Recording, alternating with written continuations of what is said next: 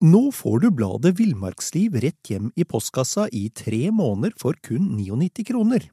I Villmarksliv kan du lese om norsk natur, ærlige tester av klær og utstyr, og mange gode turtips skrevet av erfarne friluftsfolk, fiskere og jegere. Send SMS VILL36 til 2205 og motta bladet allerede neste uke. Lev livet villere med bladet Villmarksliv. Many of us have those stubborn pounds that seem impossible to lose, no matter how good we eat or how hard we work out. My solution is PlushCare. PlushCare is a leading telehealth provider with doctors who are there for you day and night to partner with you in your weight loss journey. They can prescribe FDA-approved weight loss medications like Wagovi and Zepbound for those who qualify. Plus, they accept most insurance plans. To get started, visit plushcare.com slash weight loss. That's plushcare.com slash weight loss.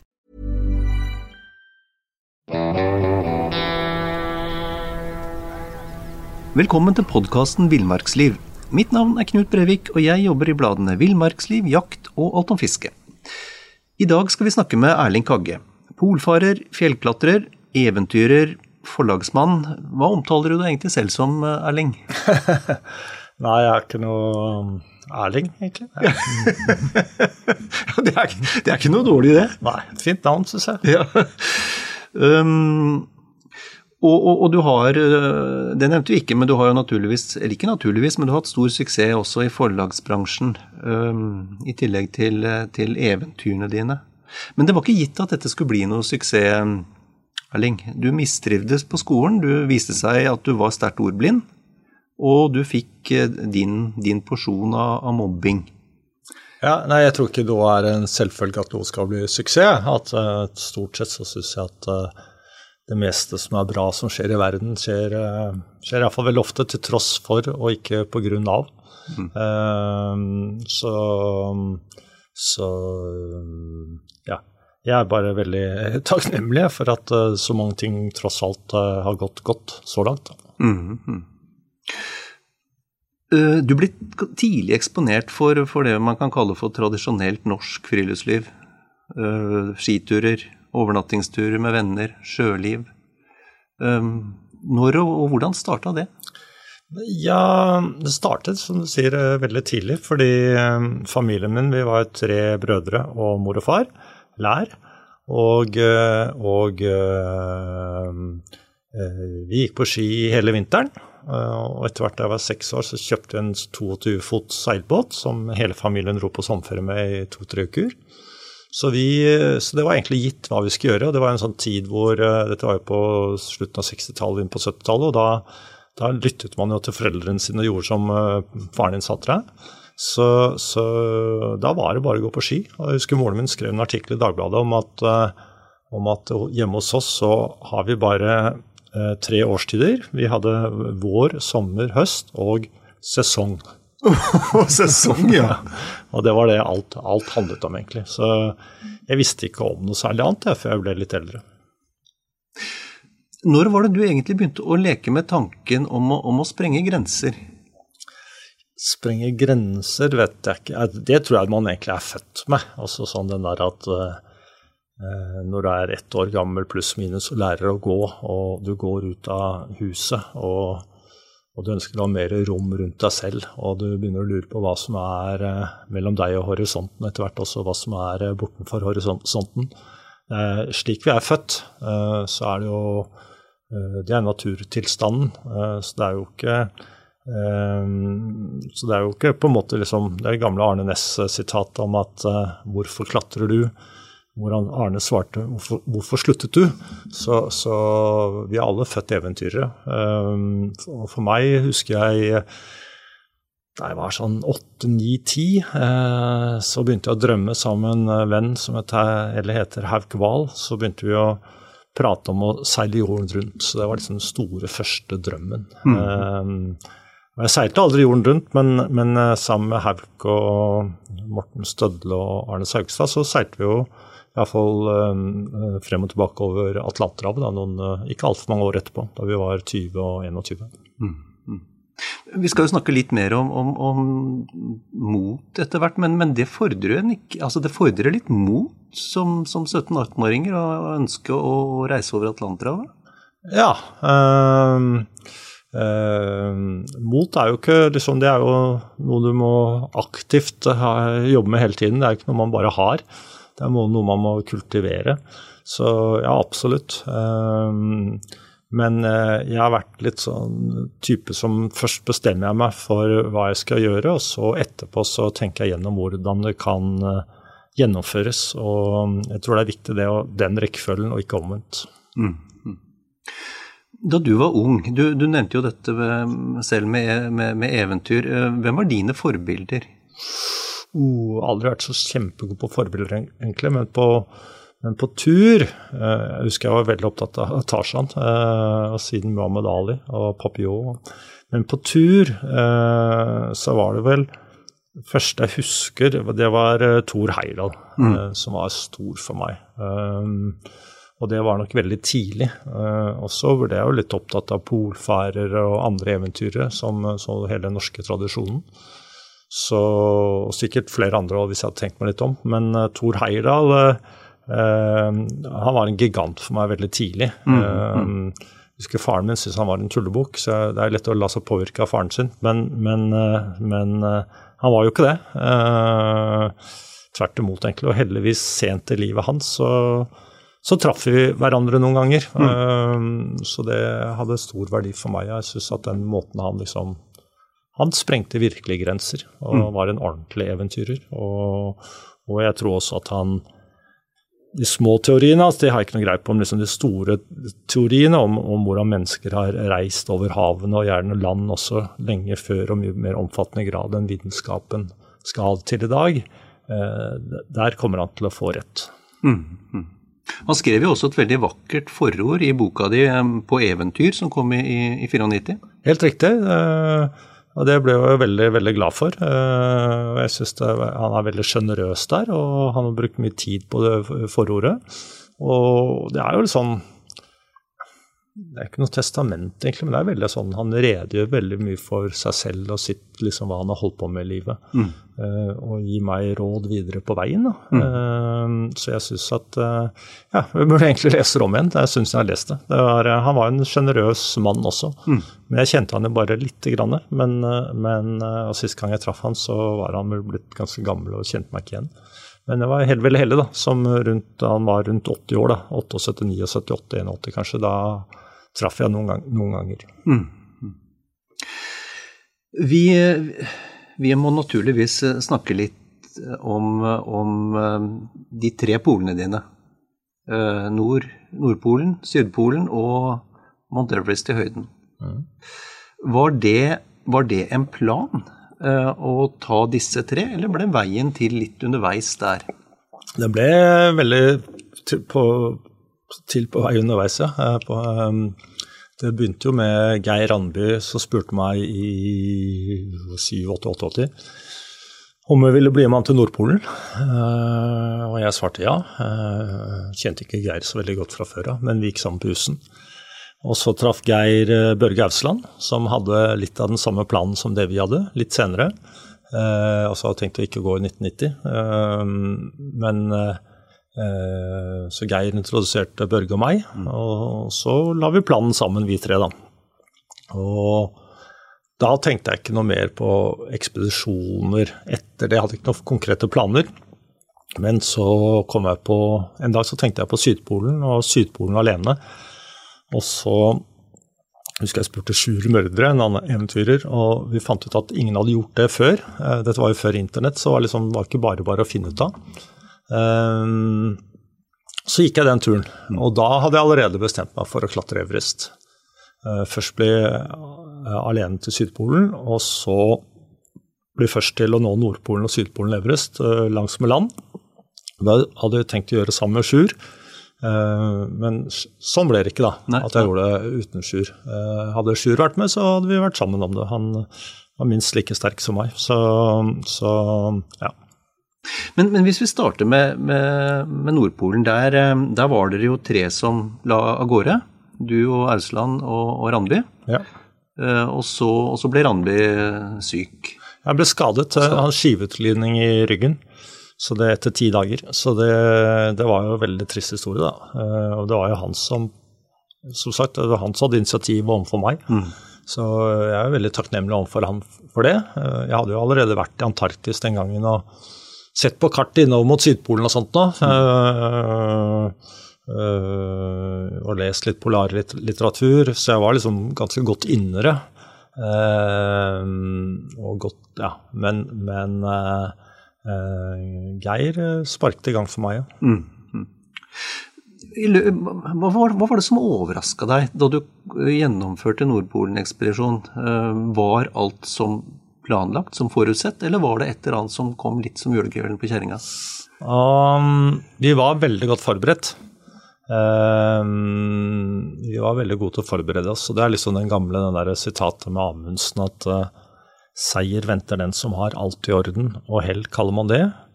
Og nederlag er den absolutte følge for den som ikke har tatt de nødvendige forhåndsregler i tide. Mm. Uhell kaller man det. Mm. Og jeg husker vi hadde vårt slagord, Geir og Børgei, det var en, en kar eh, oh, Nå husker jeg ikke, jeg kommer kanskje på navnet hans, men eh, kjørte Nordpolen med snøscooter 68. Han sa at uh, Placed, Ralph Placed, uh, han sa at Think ahead, travel light and leave your fears behind you. Det var hans råd til folk som skulle til Nordpolen. Og det var, syns jeg var et veldig godt råd. Mm, mm. Hva jeg, jeg, tenker litt på dette med å, sprenge grenser og det å, øh, å, ønske å utsette seg selv for, for, det fysiske slitet det er både å gå til Nordpolen og, og Sydpolen også, Everest. Kulda. Uh, altså hva, hva, er det som Hva vil du si er drivkraften? For dette er jo høyst frivillig. Mm, Iallfall nysgjerrighet. Uh, Uh, nysgjerrighet, uh, utferdstrang, eventyrlyst, uh, naturglede, behov for å mestre, klare å gjennomføre. det er sikkert noe genetisk også, men som sagt, jeg sa i sted at vi er liksom født på født litt på den måten her òg. Mm. Også er det jo behov for anerkjennelse og ja, mange grunner. man gjør sjelden noe av én grunn alene. Og så er det andre årsaker som jeg ikke er klar over. Mm, mm. Apropos anerkjennelse, jeg har hørt et eller annet sted at alt menn gjør, gjør de på en eller annen måte for å imponere kvinner. Eller i hvert fall ja, veldig mange. Jeg tror, jeg tror, ikke det er så dumt tenkt, egentlig. Eh, jeg tror ikke alt man gjør og, og og sagt, altså, Nå er det 2022, så nå, jo, nå kan man nesten ikke si at det er for kvinner mer heller, men, men, eh, men eh, men i mitt tilfelle iallfall, så jeg har, ikke, jeg har liksom ikke uttalt det for meg selv, men når du sier det sånn, og liksom tenkt på innimellom, det er klart at en av mange drivkrefter har vært uh, for å imponere jenter. Mm. Um, altså først Nordpolen. Uh, 58 dager med, med, med, slit. Og så i 92 november la du av gårde mot Sydpolen aleine. 49 dager med, med slit. Uh, hva hva er den store forskjellen på det, bortsett fra det åpenbare at du har selskap, hva er den store forskjellen på det å, å ta en sånn tur aleine og sammen med noen? Jeg syns det var veldig fint å være alene, jeg. Ja. Og til Sydpolen den gangen. Jeg følte ikke at, eh, at, var, at, jeg hadde behov for å være sammen med noen heller. Altså rett sånn praktisk at jeg kunne løse alle oppgaver på egen hånd. Uh, og det var poeng for meg å være først alene. Mm. Og det var også spennende tanke på å være alene. og og klare å sette ene benet foran det andre nok ganger på en måte, mm. uh, på egen hånd. For teknisk er det jo lett å gå dit, men det er liksom det å gidre, det. Mm. Uh, sånn. Og, og, til Nordpolen da hadde jeg jo mye mindre erfaring. og Børge den gangen vi var jo enige om at uh, ingen av oss ville ha kommet frem hvis det ikke var for den andre. Så det er klart at da var det bra med Børge. Eller være sammen med Børge. Mm. mm. På, på, disse turene i hvilken grad tenker man på, på, på døden? Uh, altså Det er åpenbart at dette er en, det innebærer en ikke ubetydelig risiko. Og man er litt overgitt tilfeldighetene også, på sett og vis. Altså hvor, hvor, hvor, mye tenker man på døden på en sånn tur? Ja, ingenting. Nei. Rett og slett. Jeg gjør jo ikke det, iallfall. Eh, jeg tror det er veldig viktig å hele tiden huske gjennom hele livet at du skal dø. Det er jo et av verdens helseråd, og alle råd som har uh, overlevd mer enn 1000 år, gode råd som har overlevd 1000 år, det skal man uh, ta på alvor. Men, men så jeg tror det er viktig at, at, liksom at, du vet det er farlig, du vet det er risikabelt, du vet at liksom, ting kan gå galt, mm. og det kan være fatalt. Det er veldig viktig å ha i bakhodet hele tiden. Mm. Men det å tenke på død, det er liksom sånn Det har en del ganske uheldige sider, syns jeg. Å tenke på døden som fenomen, det tror jeg ikke må være sunt, som sagt. Men, men, men den der at du tenker på at man selv kan dø hele tiden, det kan virke litt lammende. Mm. Uh, og det kan ta fokus bort, konsentrasjonen bort fra ting som er mye viktigere å tenke på. Mm. Og det blir også litt sånn vel navlebeskuende, syns jeg. Mm. Så nei, jeg, jeg, driver ikke med det. Var det på, på henholdsvis Nordpolen, Sydpolen eller, eller, Mount Everest, var det øyeblikk eller situasjoner hvor du tenkte at oh, nå, nå er vi på kanten? Ja, Eh, absolutt. Eh, jeg prøver å unngå det veldig, da. Mm. Eh, det var faktisk en gang nå i vinter og gikk på ski også, så på uh, Hardangervidda, litt bort fra Finse. Og uh, det er jo liksom De fleste ulykker skjer liksom på kjøkkenet, på en måte. Mm. Og det er, jo, det er jo liksom sånn Så jeg var ikke nær noe veldig der, men det var liksom det ble sent på ettermiddagen i januar, og, og det, var, det, var, 15 minusgrader og, og tett tåke. Uh, solen var i ferd med å gå ned. Eh, ja. Øh, det kan jo gå gærent da.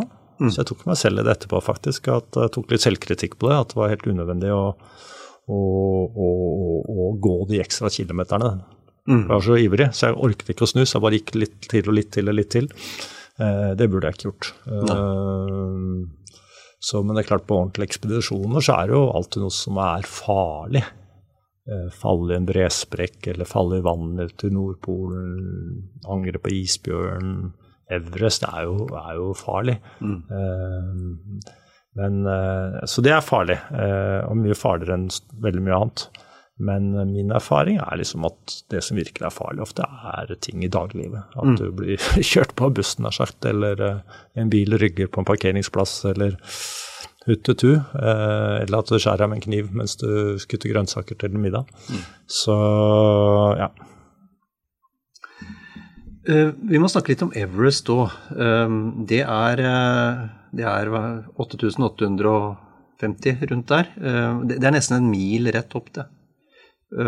hvordan opplevde du den turen? Det var slitsomt. Uh, jeg likte turen veldig godt. Jeg syns det var en fin gjeng. Uh, morsomt å være liksom rundt fjellet. Mest av tiden er man jo akklimatiserer seg, går litt fjelltur og litt opp og ned. Og, så jeg likte det livet veldig godt, egentlig. Uh, uh, men akkurat sånn fra 8500 meter og oppover da var jeg grisesliten. Det er kanskje ikke noe som heter grisesliten. Da var jeg veldig sliten. Ja. Supersliten. ja. Griser er jo ikke noe mer slitne enn andre. For, for, for da, da, er du i det de kaller for dødssonen? Ja, altså der er det en del folk som har dødd, da. Uh, men det er jo også, også, disse tallene folk sier at liksom én av ti dør og sånn, det er jo bare tullball. Så det, det, Da regner også antall døde i forhold til hvor mange som har kommet til toppen. Mm. Uh, så det er jo bare sånn uh, Det står til stryk. Men, men uh, du må jo regne i forhold til hvor mange som har prøvd å klatre, selvfølgelig. Men fortsatt er det jo farlig. Mm. Så, så, absolutt. Så hvis du ikke passer deg, så går det dårlig. Mm. Og, og, og, det er vel eh, Altså det, det, partiet der, er det sånn at når du, når du, går langs ruta, så vil du kunne passere uh, fjellklatrere som har omkommet der tidligere? Ja, ja, ja. Det, det gjør det. Men uh, jeg hadde ikke så mye overskudd til å tenke på det eller se på det eller et eller annet. Jeg tenkte bare på ett skritt av gangen. Kom, mm. Klyve og gå og småklatre. Uh, komme seg til toppen. Mm. Og for ikke snakke om å komme seg tilbake igjen. Nei, for det er ikke nok med at du skal opp. altså, for, for liksom, folk spør liksom hva, hva tenkte du på da du sto på toppen av Everest? Så først så var jeg selvfølgelig utrolig glad. Men uh, ganske snart etterpå så tenkte jeg hvordan i helvete skal jeg komme ned igjen? Mm. I sikkerhet, da. Um, du blir jo leda av, av New Zealanderen Rob Hall. Ja. Um, og han, han, døde jo i Mount Everest to år senere, en aldeles hjerteskjærende hendelse hvor, hvor, han fikk eh, kontakt med sin gravide kone på satellittelefon, kort, eh, og altså åpenbart kort tid før han frøs i hjel. Ja.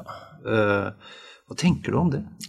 Nei, nå, Når du spør om det, så liksom, setter hele kroppen og hele sinnet på meg, men uh, jeg tenker ikke så liksom sånn, Det er ikke så mye å tenke, egentlig. Eh, det er jo bare det at eh, ja, han var en god venn, og var jo veldig, veldig bra mann for meg. Eh, og jeg kjente jo koden hans. Jeg kjenner henne i og for seg ennå, så jeg har ikke sett den siden, men jeg, vi er fremdeles i kontakt.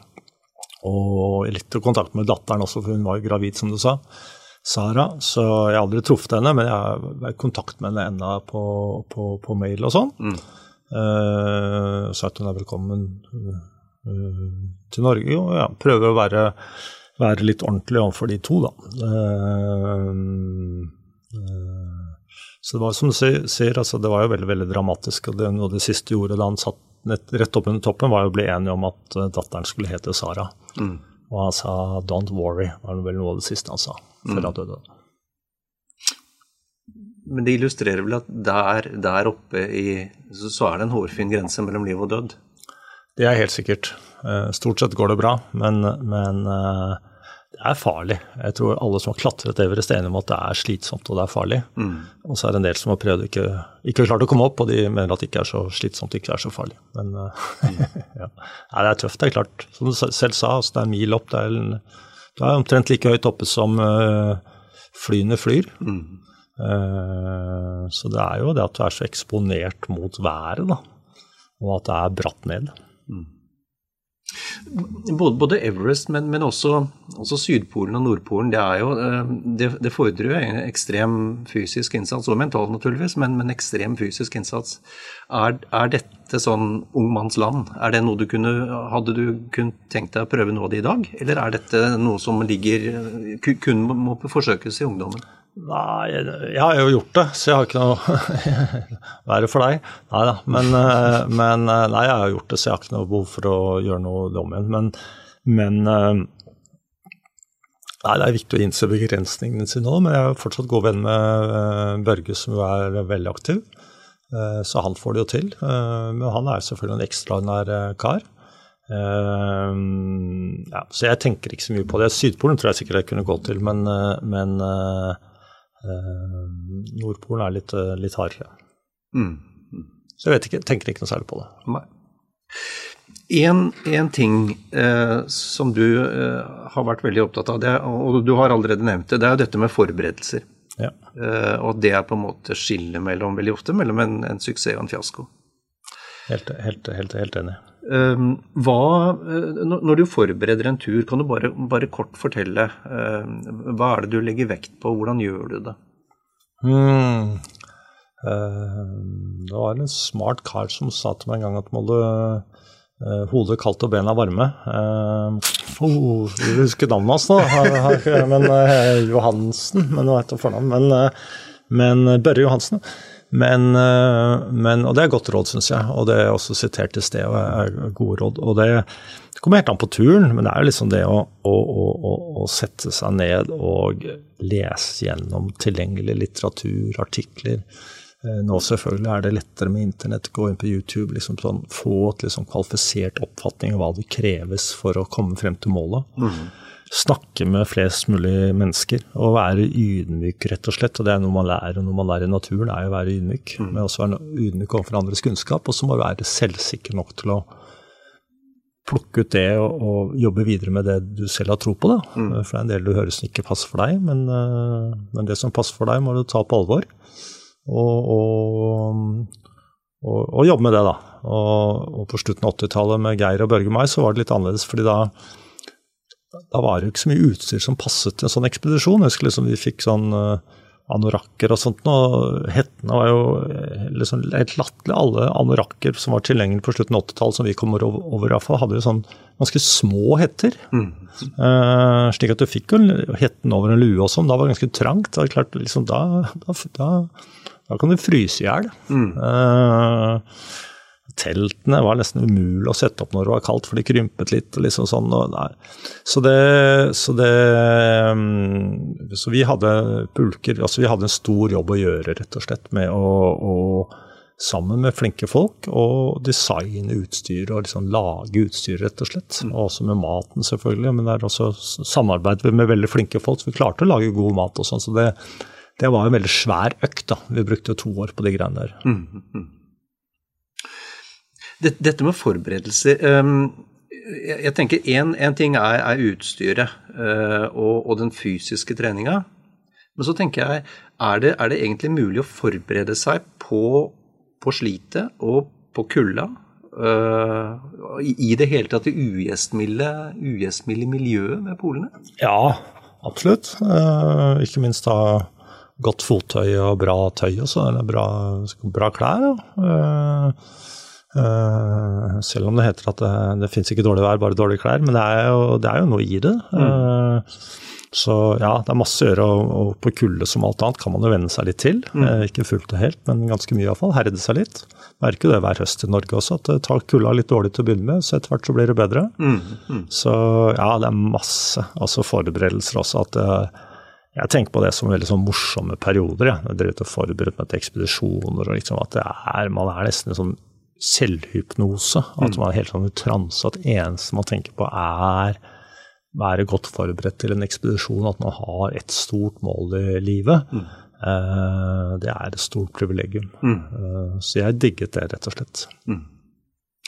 To av, av, våre mest legendariske polfarere, Amundsen og Nansen, var jo også nitid opptatt av forberedelser.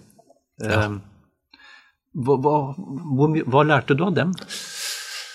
Altså, særlig Amundsen på forberedelser. altså klart Fridtjof Nansen har jo, har jo, har jo eh, også fått ry på seg for å være fantastisk flink til å forberede seg. Og det er klart at På mange måter var han jo det, også, ikke minst at han lærte av eskimoene, som han kalte det den gangen. men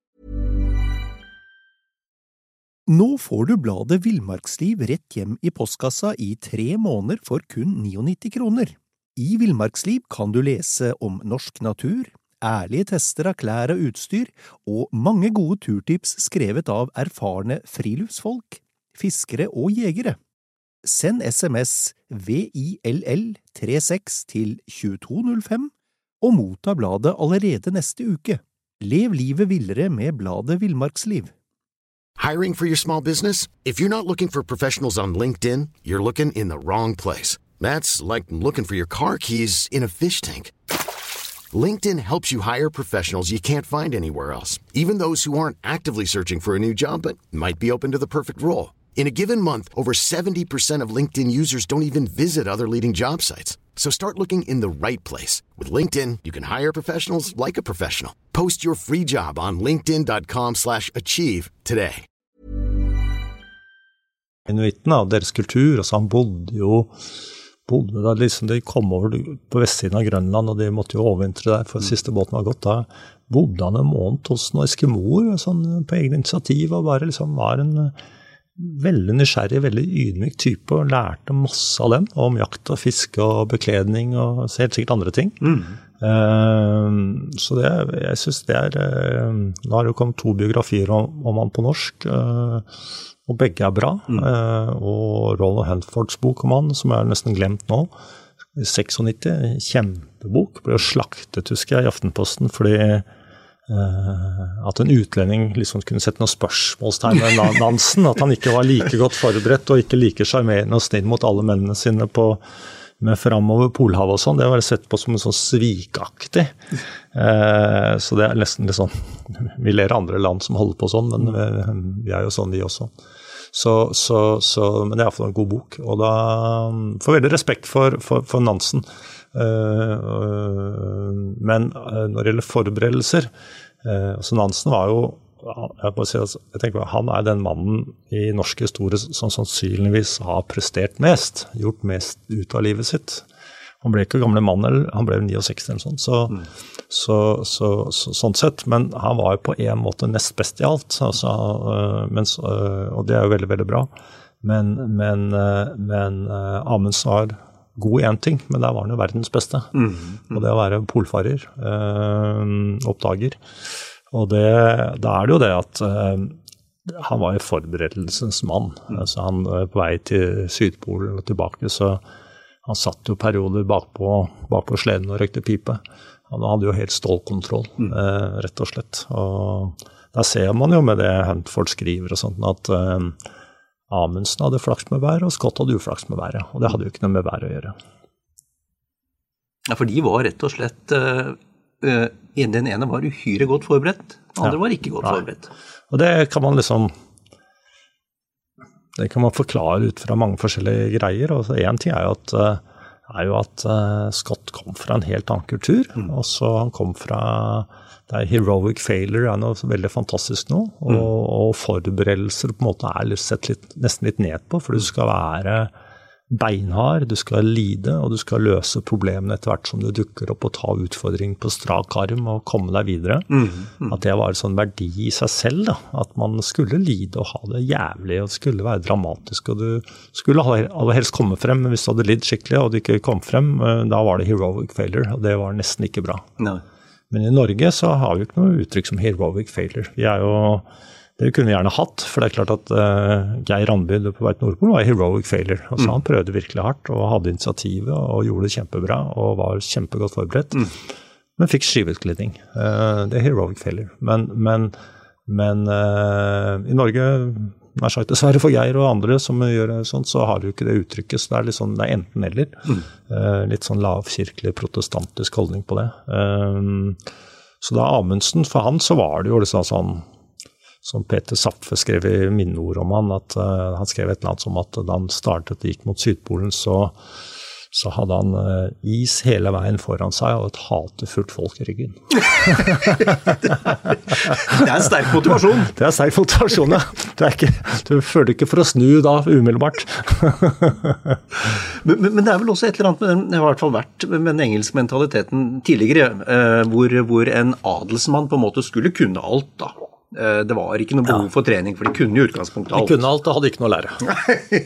er, man kan le av det, men det er liksom der gråten stopper, starter latteren, på en måte. Mm. Det er jo helt forferdelig å tenke på. Eh, du har jo møtt litt den holdningen selv. altså øh, øh, Han godeste Ralph Fjenn, øh, han var jo sånn sett Amundsens rake motsetning. Ja. Um, han har prøvd en, en, en, masse ganger og mislykkes, og, og dere to har jo kryssa klinger ved et par anledninger. Um, og du har vel skrevet, om ikke direkte, så i hvert fall uttrykt at du syns han er litt talentløs, som gjør samme feil gang på gang, og han synes du er proff. Og når han sier proff, så mener han litt sånn nedlatende proff. Ja, ja, ja. kan du si litt om det? Ja, Det er litt morsomt det, ikke sant? At, eh, at uh, han er en god amatør. Og, og, sånn som Børge og jeg, vi er litt uh, håpløse proffer. For vi er liksom, vi overlater for lite til tilfeldighetene, da. Uh, men altså uh, men når det er sagt, ikke sant, uh, altså Ranulf Ran, Ran Fines, at vi i dag så Nå har jeg jo jeg har ikke sett han siden 90-tallet, men jeg har hatt litt kontakt med han på mail. For han, han blurbet en bok jeg skrev på engelsk, og satt og gir et sånt sitat og sånt noe. Så jeg, jeg, opplever at vi har veldig godt forhold i dag. Mm. Jeg har iallfall ikke byttet på han, jeg tror ikke han har byttet på meg heller. Og, og, når det er sagt, altså takket være han så fikk jo ekspedisjonen til Børge og meg eh, ekstra mye stor interesse internasjonalt. Mm. Så, så, så, det er klart at uh, uh, På en måte det er mye å takke han for også. Jeg, jeg syns jo han var en dårlig taper, uh, og det er det mange som er.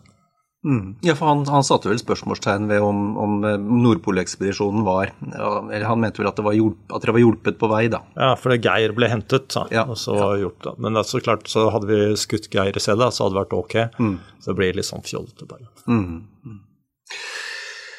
Um, bare snakke litt raskt om en, en, annen tur av en helt annet kaliber. Og det var, det var disse dykkene, holdt jeg på å si, som du gjorde under New York.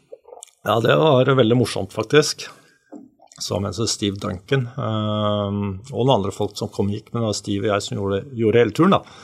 Og det å krysse New York uh, fra nord, altså opp i Bronx, ut til havet, Atlanterhavet, ved JFK-flyplassen, uh, fem dager, og sov under bakken, det var, uh, synes jeg var en super opplevelse. Vi var jo over bakken mange ganger for å bytte tunneler og sånn, men, men men uh, se New York liksom på vranga, på en måte. Hvordan, hvis du snur byen opp ned, hvordan det ville se ut. Det var uh, moro. Alt som skjer over bakken, blir på en måte gjenspeilet under bakken. Altså alle hus som bygges, det, det er selvfølgelig Du ser husene under bakken. Og, og, folks behov for å komme fra A til B, at du ser T-banene, mm. og at du ser søpla. Og du ser jo selvfølgelig når folk sitter og spiser og drikker over bakken, så kommer driten ned under bakken. Så det ser på en måte sivilisasjonens kretsløp med egne øyne. Så, så jeg syns det var en topp tur. Ja. og svært spesiell. Veldig spesiell. Ingen hadde, ingen hadde, gjort noe i nærheten fra før av. Eh, å krysse byen sånn, sånn alpine style, på en måte, med liggeunderlag og, og sovepose og en liten ryggsekk. Hva husker du best fra, fra den turen?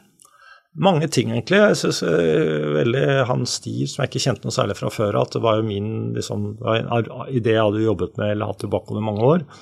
Også han er, var en flink uh, sånn urban explorer som en venn av meg, Are Herrem, kom over og, og, tipset meg om. Og så bestemte vi oss for å gjøre det sammen. da. så jeg husker jo at kameratskapet med ham og mange morsomme opplevelser vi hadde sammen. Det var sånn, Noen ganger begynte vi å le, liksom, for det var så helt crazy. At vi lå nedi kloakken under Soho og så krøp nedover Green Street ned til Canal Street. Uh, I et nytt kloakksystem. altså i, i, i, Kanal der så var kloakksystemet fra 1811. Veldig flott sånn mursteinsaktig greie. Men, uh, tunnel, men, men, men Green Street der var det nytt, og det var i betong. Vi gikk jo gjennom et sånn kumlokk da, eh, inn ned der, og så er det selvfølgelig bekmørkt. Og så måtte vi krype bortover. Eh, sånn krok, og til slutt må ned på alle fire. Og så helt ned mot når vi nærmet oss kanal, så måtte vi åle oss helt flatt gjennom, eh, gjennom dritten. Eh, for det var så lavt under taket. Så det altså sånn til slutt så måtte vi bare le, også. For det var bare helt, helt vilt. Og jeg ville ikke gjort det i dag, for det um, er klart at det blir veldig fort, lett flom i mm. tunneler, i, um, særlig sånn i byer. fordi, fordi det er så lite jordsmonn. Altså stort sett all, all, natur er jo fjernet. Slik at det er bare menneskeskapte liksom, I stor grad menneskeskapt under bakken mm. og over bakken. Eh, og da, da vil f.eks. litt nedbør samles veldig kjapt i, i tunnelene. Mm. Og da skal det ikke så veldig mye nedbør til før du får en liten sånn flomgreie. da. Uh, ser du på YouTube, så ser du når disse kumlokkene eksploderer og smeller opp luften og sånn. Så, så, så, det skal mye mindre til enn det da, til at det blir jævlig vanskelig å være oppe i en tunnel. Mm. Uh, særlig når du legger på magen helt flatt. Så, men vi var forsiktige. Altså, vi hadde ikke gjort det hvis det var regn, da. Men, eh, men uh, moro var det. du, eh, fra, fra, fra, New York så har jeg lyst til å snakke litt om, om, om, stillhet. For du har jo skrevet boka 'Stillhet i støyens tid'. Uh, kritikerost for øvrig.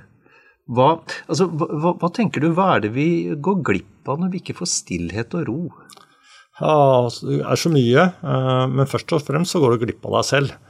Eh, for det er i stillheten du blir kjent med deg selv. Altså, når jeg tenker på stillhet, så tenker jeg ikke på det som sånn motsetning at masse lyd er det, motsatt, er det andre enden av stillhet. Men jeg tenker på sånn støy, egentlig.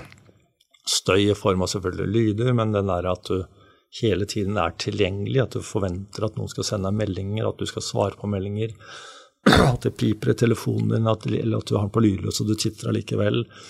At du googler litt, et eller annet du lurer på 20 minutter etterpå, så googler du fremdeles selv om du har funnet det du lette etter 19 minutter før.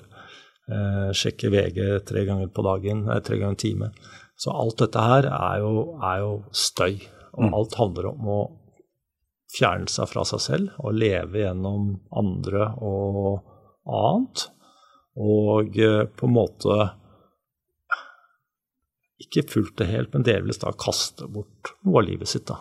Mm. Eh, og glemme seg selv. Altså gamle som, liksom, uh, som Heidegger, altså filosofen, skrev om at ingen vil være seg selv, og alle vil være den andre. Mm. Eh, ikke ordrett, da, men altså, han skrev om. Og det, det, er det vi ser veldig i dag. Uh, mens da stillhet, det er jo, det er jo å lytte til seg selv og, og, og, og dra på oppdagerferd inn i seg selv. og det er jo litt mer komplisert, det er litt mer ukomfortabelt. Det er litt mer vondt, egentlig. For det er klart, når det er stille og du ikke skal gjøre noen ting, og liksom sånn, eller at du går en tur eller et eller annet, men at det er stille, da, at da, det er vanskeligere enn støy. Mm. Og vi har det jo med å velge de enkleste løsningene og ta støy. Men stort sett, iallfall hva jeg har lært i mitt liv, da, at uh, hvis du må velge mellom to ting, så skal du vanligvis ta det vanskeligste uh, løsningen. Uh, og mellom støy og stillhet, så er det stillhet. Så det er helt fint med en del støy, men, du må også ha stillhet, tror jeg, hvis du skal bli kjent med deg selv. Og det er jo igjen å sette verdens eldste råd, bli kjent med deg selv. Og hvis du skal ha et meningsfylt liv, så må du bli kjent med deg selv. Og jeg tror også at hvis du skal det hjelper iallfall veldig hvis du skal være glad i andre mennesker, respektere andre mennesker, så er det også en god start å prøve å bli litt, bli litt bedre kjent med seg selv. Mm. Jeg bare tenker Hvis man tar T-banen eller uh, hvor som helst egentlig i det offentlige rom nå, så vil du legge merke til at absolutt alle sitter og ser på telefonen sin hvert ledige sekund. Uh, altså er, vi, er vi vitne til et storslått sosialt eksperiment nå? Ja, det tror jeg absolutt vi er. Uh, absolutt. Uh, men uh, med altså alt fra barnehage og skole som blir mer og mer digitalt, osv. osv. Så, det, hva, hva, det blir ut av det, det, det, vet ikke jeg, og det vet ingen andre heller. Men det er klart at det er, stor, stor, det er mye som er verksatt uten at man har uten at man er så veldig godt forberedt.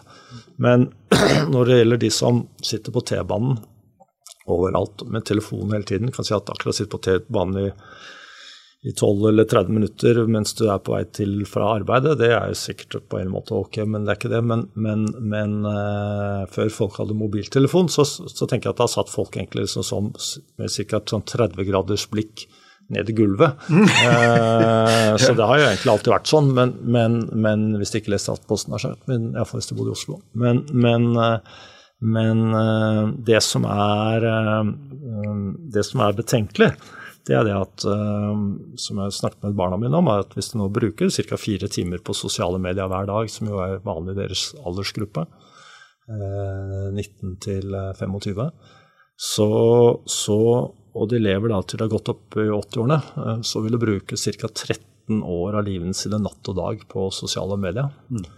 Og da da er det jo sånn som når jeg er blitt såpass gammel som deg og meg, jeg vet ikke akkurat gamle vi to, da, men at, liksom at jeg ble iallfall eldre enn snittet, så, så, begynner jo folk å eh, På 60- og 70- og 80-årsdag, 90-årsdager så, så er det jo annenhver, iallfall så er det en som siterer han Stig Johansson, han svenske dikteren som skrev omtrent at og Beklager uttalen, men at, eh, at, eh, alle disse dager som gikk, kom og gikk, inntil visste jag at det var sjølve livet. Og når en eller annen sier det, da, så tenker alle det var dypt, og det var veldig bra. Sånn. Men det er litt trist òg, da, fordi det handler jo om at man ikke har fått med seg det at man har levet. At man ikke har vært til stede i sitt eget liv. At man ikke liksom, har vært, liksom, tatt konsekvensen av at liksom, øyeblikkene at de ofte de eh, er litt kompliserte. At det er lettere å leve i fortid og fremtid og via da via mobiltelefoner, smarttelefoner. Mm. Eh, men vi har jo den ene fantastiske muligheten for å leve et rikt liv. Mm. Og da er det, det, er det mm, altså, eh, Etter mitt skjønn så er det dumt å, å kaste det bort på, bort på, den måten. Og det jeg også opplever nå når jeg er blitt 59 år, er at uh, veldig mange mennesker snakker om at livet er kort. Mm. gjorde det for en år siden også, men nå er det enda flere som prater om det. Og det er klart at, uh, er at uh, livet er jo kort hvis du gjør det samme hver dag. Mm. Uh, og ikke kommer deg noe videre, uh, da blir livet kort.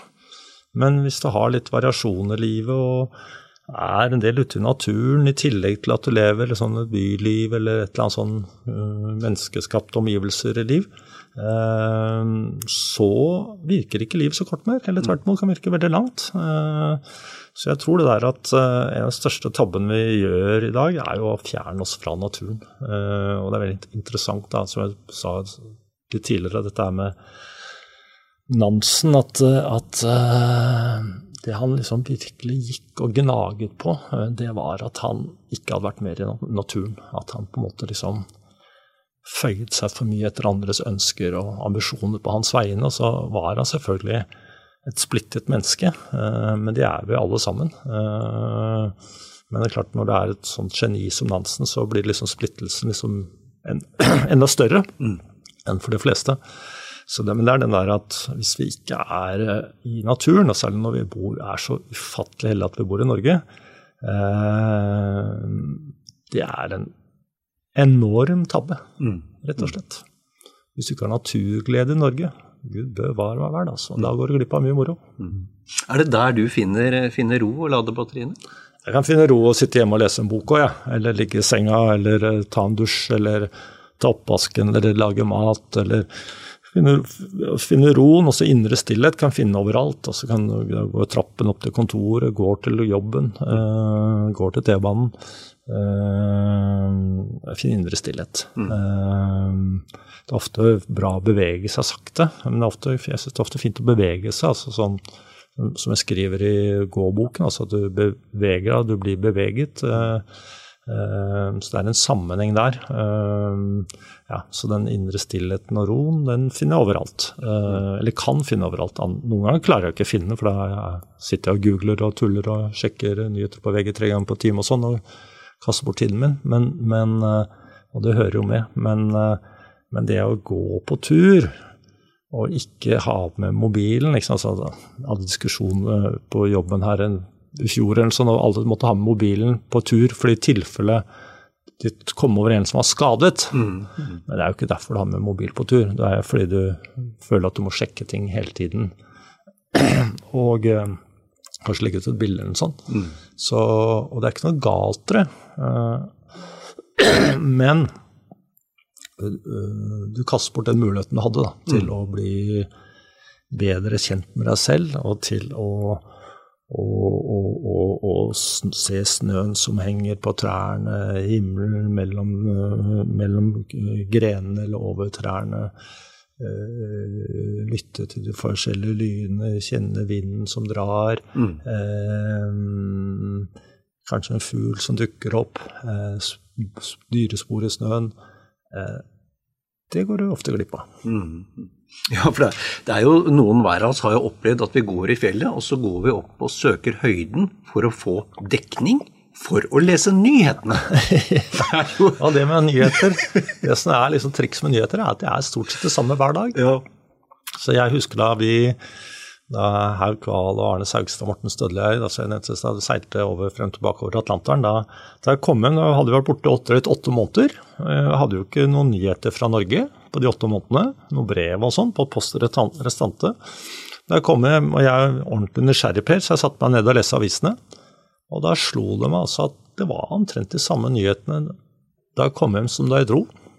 Den gangen så handlet det om NRK-monopol, at verden ville gå under hvis man løste opp i monopolet. Mm. Eh, og det var de samme folka, de samme argumentene da jeg dro, som da jeg kom hjem.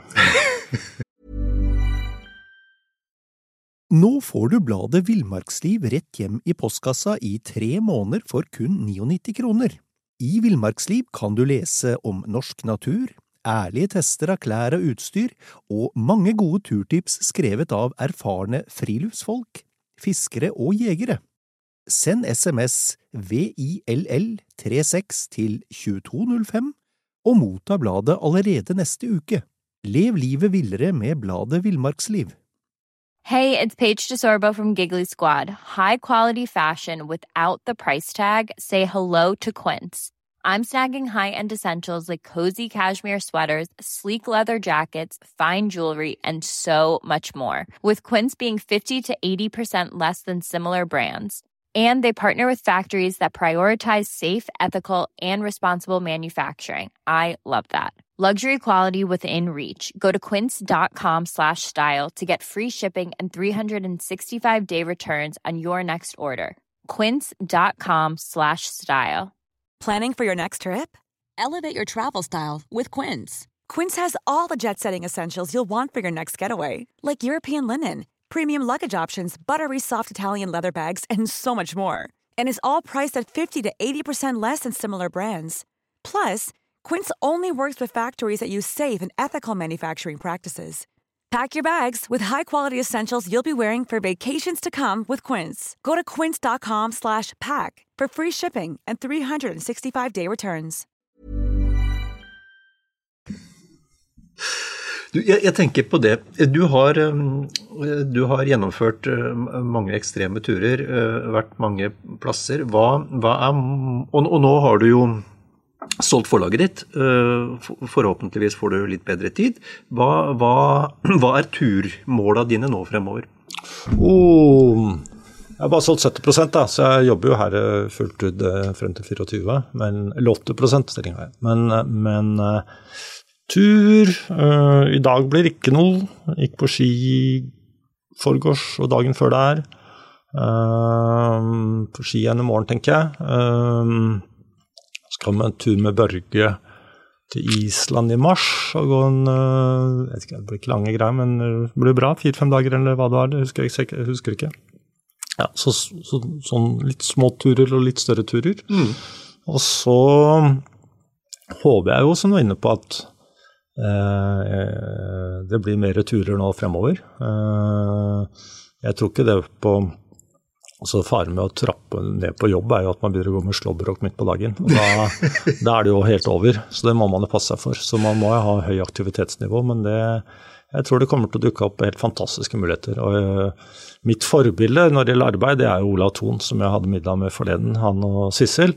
Uh, fru Thon. Og uh, han er jo 98, blir snart 99, og jobber hver eneste dag. Mm. Og går på tur. og hun jobber hver dag, og hun går på ski nå hver dag. Og Olav sa til meg at sånn, nå når det er så glatt, så er sånn Sånn, sånn, sånn, når du går ute, sånn, kan inne sånn, med sånn litt sånn fire små hjul foran som du går og støtter deg til. Så han sa han var litt overrasket hvor tungt det var. Inntil han da etter noen turer fant ut at han hadde på bremsen hele tiden. Fikk litt lettere etterpå. Så det er det store forbildet. Ja, ja, ja. Du, sånn avslutningsvis. Um, Nansen har omtalt tilværelsen som, som rekke, en, en rekke med øyeblikk mellom to evigheter. Ja. Um, hvis man skal være så pretensiøs at man drister seg til å snakke om en mening med livet, hva, altså dette korte blaffet, hva vil din tolkning være? Ha, der skrev Nansen også at uh, han, han lette veldig etter meningen med livet. Uh, han kom ikke på så veldig mye utover å være i naturen og være i ett med omgivelsene.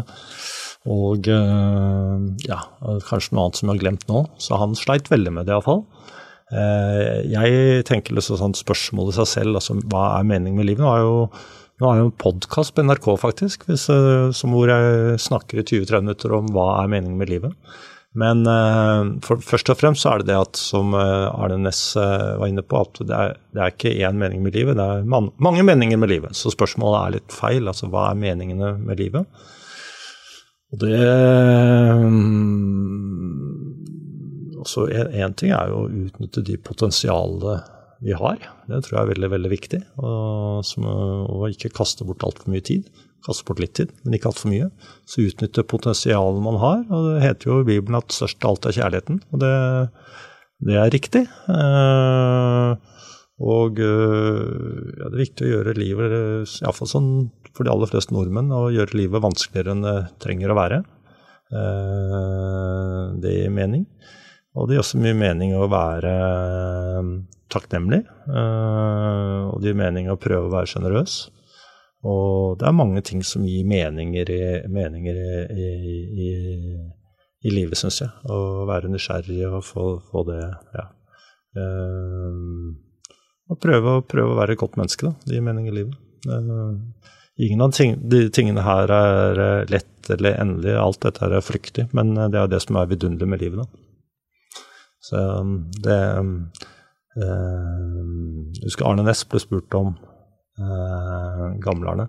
Ble spurt om eh, Masse mennesker da spurte Arne om liksom, hvordan skal de legge opp livene sine for å få liksom, gode liv, meningsfylte liv, viktige liv, hva, hva skulle de gjøre? og sånn. Yngre eldre spurte liksom oraklet om det. Eh, og Arne tenkte seg om og så på dem og sa stå på. Det er fantastisk. ja, det er veldig godt råd. Stå på. Tusen takk for en hyggelig prat. Takk selv. Fortsatt god tur.